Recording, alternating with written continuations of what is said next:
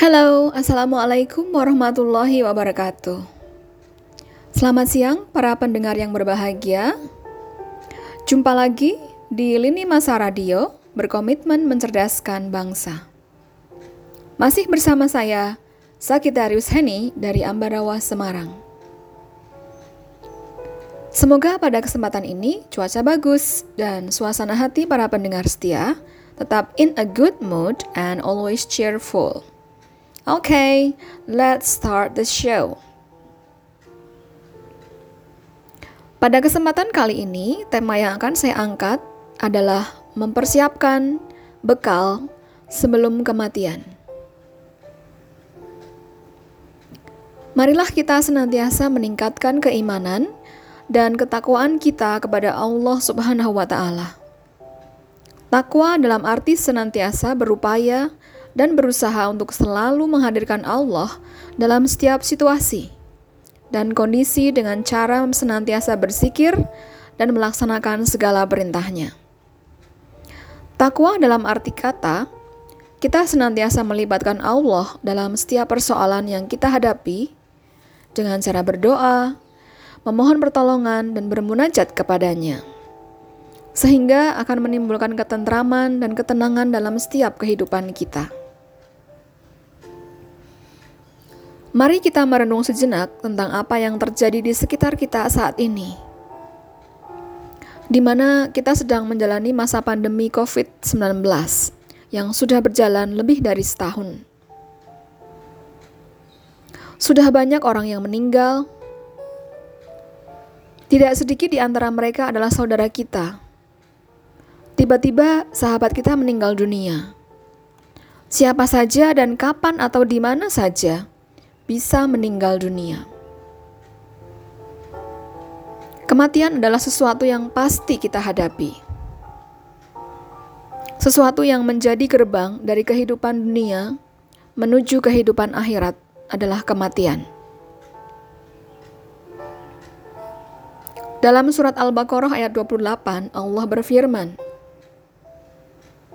Bagaimana kamu ingkar kepada Allah, padahal kamu tadinya mati, lalu Dia menghidupkan kamu, kemudian Dia mematikan kamu, lalu Dia menghidupkan kamu kembali, kemudian kepadanya lah kamu dikembalikan. Dalam tafsir Ibnu Kasir dijelaskan bahwa ayat ini menjelaskan akan kekuasaan Allah. Dan sungguh aneh orang yang ingkar kepada Allah sementara manusia awalnya tiada. Lalu Allah menjadikannya ada di muka bumi ini. Ayat ini menunjukkan bahwa kita semua pasti mati. Dan kita semua pasti akan dibangkitkan kembali setelah kematian itu. Maka, apa saja kewajiban kita dalam kehidupan ini sebagai persiapan diri kita sebelum menghadapi kematian? Tentunya ada banyak hal, bukan? Namun, setidaknya ada tiga hal yang akan saya bahas pada kesempatan berharga ini. Persiapan pertama adalah beramal sebaik mungkin. Dalam surat Al-Mulk ayat 1 sampai dengan 2, Allah berfirman yang artinya Maha suci Allah yang menguasai segala kerajaan, dan Dia Maha Kuasa atas segala sesuatu, yang menciptakan mati dan hidup untuk menguji kamu. Siapa di antara kamu yang lebih baik amalnya? Dan Dia Maha Perkasa, Maha Pengampun. Seperti apakah amalan yang terbaik itu? Salah satu indikatornya adalah pekerjaan itu dilakukan dengan istiqomah. Dalam hadis riwayat Abu Hurairah, Rasulullah Shallallahu Alaihi Wasallam bersabda, yang artinya, sesungguhnya sebaik-baik pekerjaan adalah yang rutin atau berkelanjutan, meskipun itu sedikit. Beramal sebaik mungkin juga berarti bahwa pekerjaan itu kita lakukan dengan seikhlas mungkin, semaksimal mungkin, dan dengan sesempurna mungkin. Baik dalam interaksi kita kepada Allah maupun kepada sesama manusia. Dalam tiap amal kita, kita patrikan dalam diri kita bahwa bisa jadi itu adalah amal yang terakhir kita. Persiapan yang kedua yaitu menyiapkan amal yang terus mengalir pahalanya. Di antaranya yang dapat kita kerjakan adalah memperbanyak amal jariah, ilmu yang bermanfaat, serta mendidik anak kita menjadi anak yang saleh, yang dapat mendoakan kita kelak sebagaimana hadis Rasulullah SAW yang artinya diriwayatkan oleh Abu Hurairah bahwa Rasulullah SAW bersabda, "Jika manusia mati, maka terputuslah amalnya, kecuali tiga perkara: sedekah jariah, ilmu yang diambil manfaatnya, dan anak soleh yang selalu mendoakan orang tuanya. Hadis riwayat Muslim. Para pendengar setia, tentang kisah anak dan ibu, saya teringat sebuah kisah inspiratif tentang seorang ibu dan anaknya.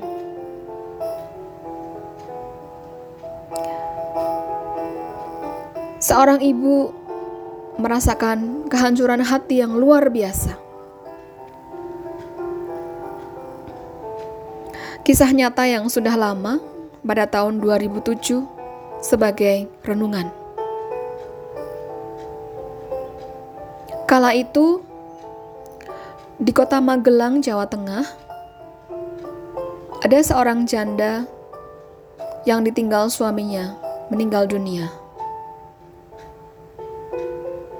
Dengan gajinya sebagai guru, dia membesarkan anak laki-laki satu-satunya seorang diri.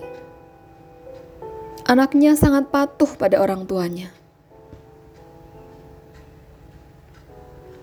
Dengan kerja keras, akhirnya sang ibu berhasil menyekolahkan anaknya itu sampai ke Amerika Serikat. Setelah tamat kuliah, anaknya bekerja di Amerika membeli rumah, dan menikah, serta telah dikaruniai seorang anak dan hidup berkecukupan serta harmonis. Sang ibu masih tetap tinggal di rumah lama dan melaksanakan pekerjaannya sebagai seorang guru dan di rumah seorang diri. Namun, dia berencana setelah pensiun nanti ia ingin pindah ke Amerika. Berkumpul dengan anak dan menantunya untuk menikmati masa tuanya. Tiga bulan sebelum masa pensiun tiba, dia menulis surat kepada anaknya, memberitahukan niatnya untuk berkumpul bersama-sama di Amerika. Dalam angan-angannya, setelah membesarkan anaknya, maka di hari tua anaknya pasti akan menjadi sandaran hidupnya. Dalam hayalannya, saudara-saudara dan kerabat-kerabatnya pasti akan kagum atas kesuksesan dia dalam mendidik anaknya, dan ia akan bahagia di hari tuanya. Sambil menunggu surat balasan dari anaknya, dia menyelesaikan semua masalah dan aset-asetnya untuk siap pindah ke Amerika. Tibalah surat balasan dari anaknya.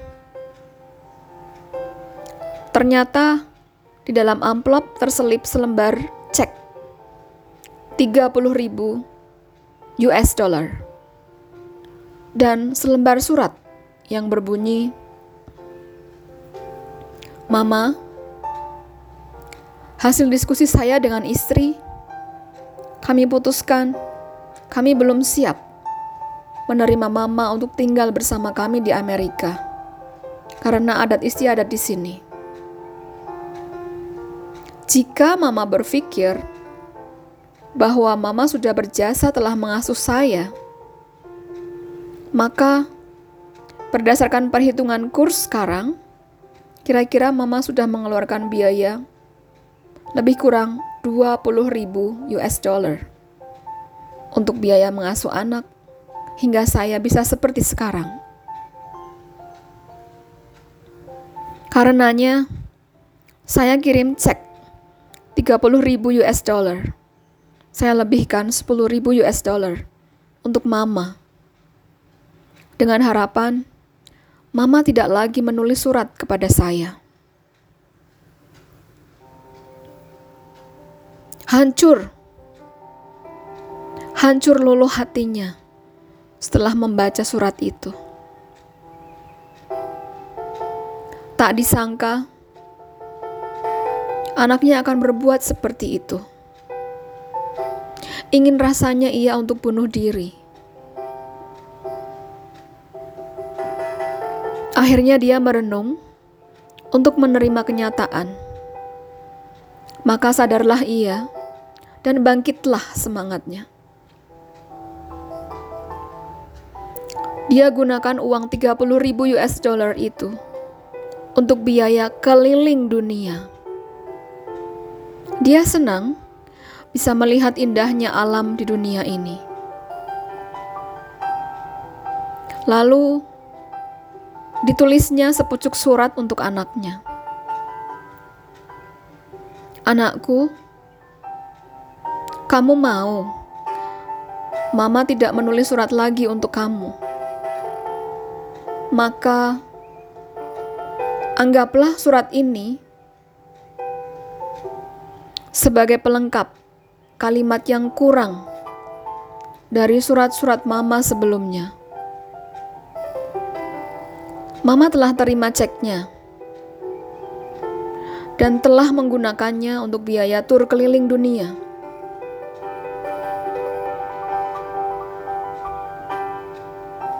Dalam perjalanan tur itu, tiba-tiba Mama merasa harus berterima kasih kepada kamu, Nak. Terima kasih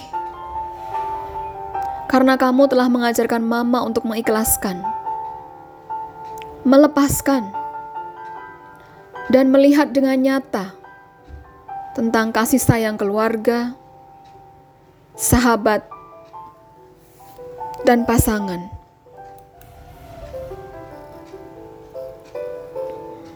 Dalam kehidupan manusia, semua yang ada di dunia itu tiada yang abadi. Semuanya sedang dalam proses perubahan Jika mama tidak mengikhlaskan atau masih merasa menderita karena perlakuanmu terhadap mama, maka mungkin dalam setahunan ini mama telah meninggal dunia dikarenakan bunuh diri. Dan dalam neraka akan bertambah seorang setan yang mati penasaran. Dan mama tidak mau menjadi seperti itu. Ketidakberperasaanmu telah menyadarkan Mama bahwa hubungan sesama manusia hanya karena takdir untuk berkumpul, yang kemudian dapat berpisah. Semuanya tiada yang abadi, tiada yang kekal. Mama sekarang sudah menganggap tidak punya anak. Hati mama sudah bebas. Mama pun sudah tidak punya rasa kekhawatiran lagi. Mama sudah ikhlas. Mama sudah hilangkan semua sakit hati.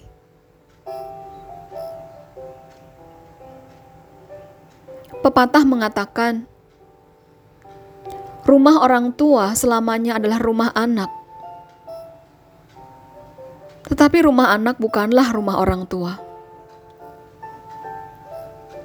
Melahirkan anak merupakan tugas yang wajib dilaksanakan. Namun, mengasuh anak adalah tugas sosial, karena terkadang harus banting tulang untuk memenuhi kebutuhan anak. Namun, mengandalkan anak di usia senja merupakan kesalahan fatal.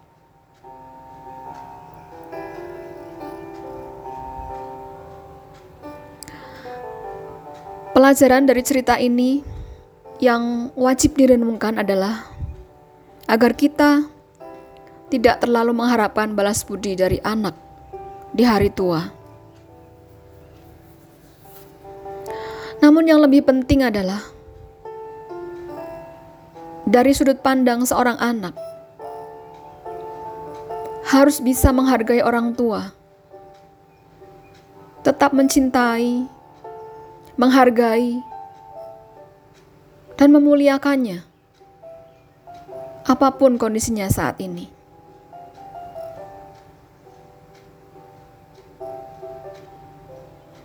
Para pendengar setia,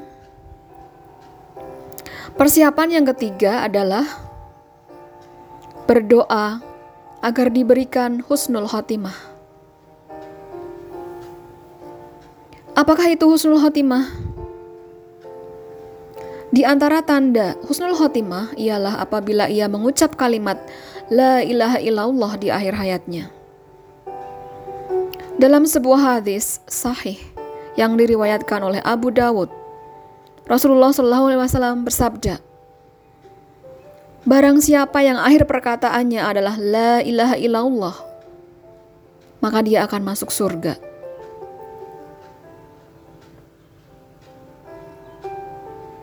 Indikator lainnya dari seorang yang husnul khatimah apabila ia mengerjakan pekerjaan baik di akhir hidupnya. Rasulullah Shallallahu Alaihi Wasallam bersabda, apabila Allah menghendaki kebaikan kepada seseorang, maka Allah akan membuatnya beramal. Para sahabat bertanya, bagaimana membuatnya beramal? Beliau menjawab, Allah akan memberikan taufik kepadanya untuk melaksanakan amal soleh sebelum dia meninggal.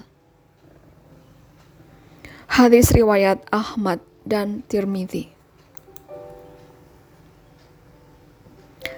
Selain berusaha dengan segenap amal soleh untuk mencapai husnul khotimah, kita juga harus selalu berdoa agar Allah mewafatkan kita dalam keadaan husnul khotimah.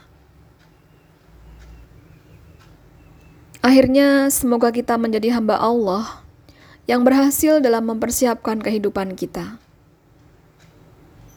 yang mampu meningkatkan keimanan dan ketakwaan kepada Allah Subhanahu wa Ta'ala, dan Allah menjadikan kita sebagai orang-orang yang wafat dalam keadaan husnul khotimah. Amin. Ya Robbal 'Alamin. Demikian tadi podcast yang bisa saya bawakan pada kesempatan kali ini. Terima kasih sudah menyimak, menyimak dan mendengarkan. Sampai jumpa di podcast Lini Masa berikutnya. Saya Sakitarius Heni. Wassalamualaikum warahmatullahi wabarakatuh.